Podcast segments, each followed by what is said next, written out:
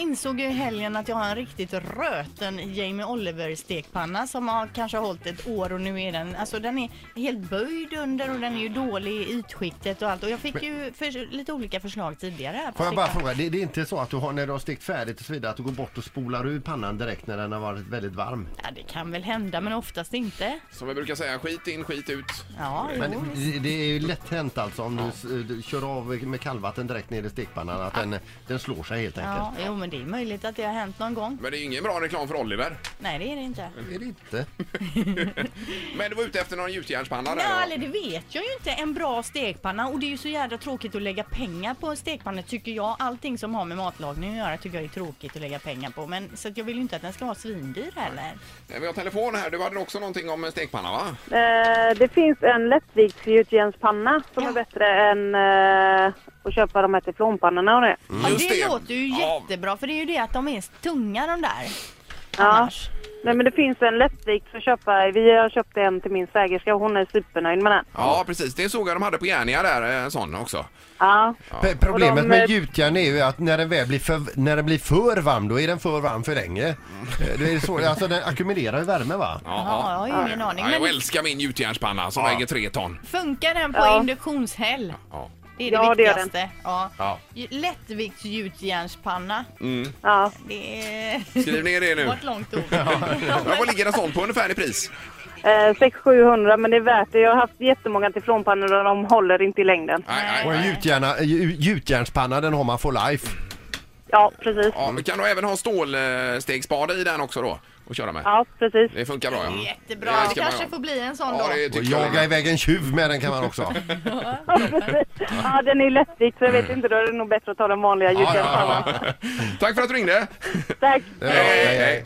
Det är nog mer på stekpannefronten här Ja, lilla men det är snubben. jättebra. Det är ju inte, det är en djungel. Hallå där!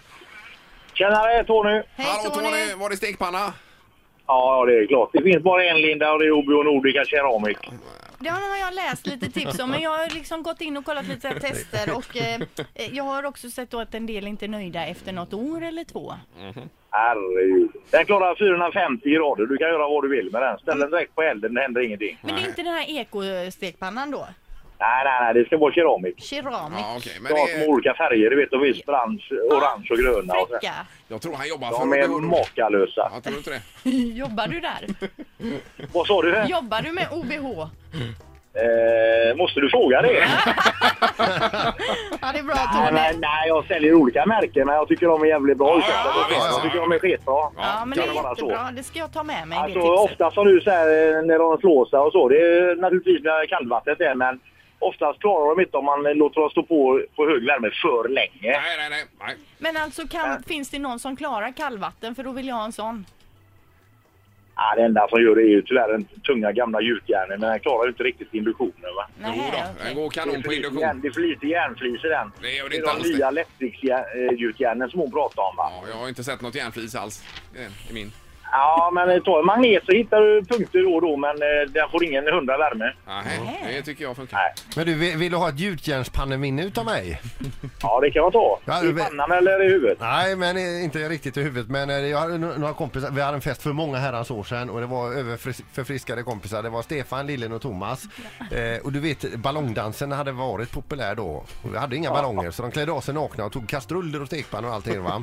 Thomas han var i värst form så att säga och i, i finalen på den här eh, Dansen. eh, dansen då. Så, så, så, så drar han den här gjutjärnspannan rätt i baken på Lillen vet du. Alltså en, ett sånt smask det var i hela lokalen där. Och sen hade han det här, vet du här, det är märket Från pannan? från pannan, alltså varifrån tillverkar. Ja. Det hade han hur länge som helst.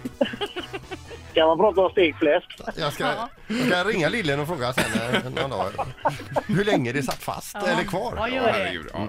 Nu tog det ett sidospår här, men intressant. Ja. Vi tackar. Ja, men det är bra. Ja, ha det bra Tony. Hej då. Kanon! Hej då. Hej, hej. Han hette väl Tony nu, va? Det gjorde han. Ja, det gjorde han. Ja, det är bra det. Nu har jag lite olika tips att gå på här då. Ja, men kör nu på en riktig gjutjärn istället, Linda. Lättvikts... Nej, den tunga. Jag orkar inte det. Tänkte jag ska ta den liksom så här och göra, gå med den Det är väl klart du orkar.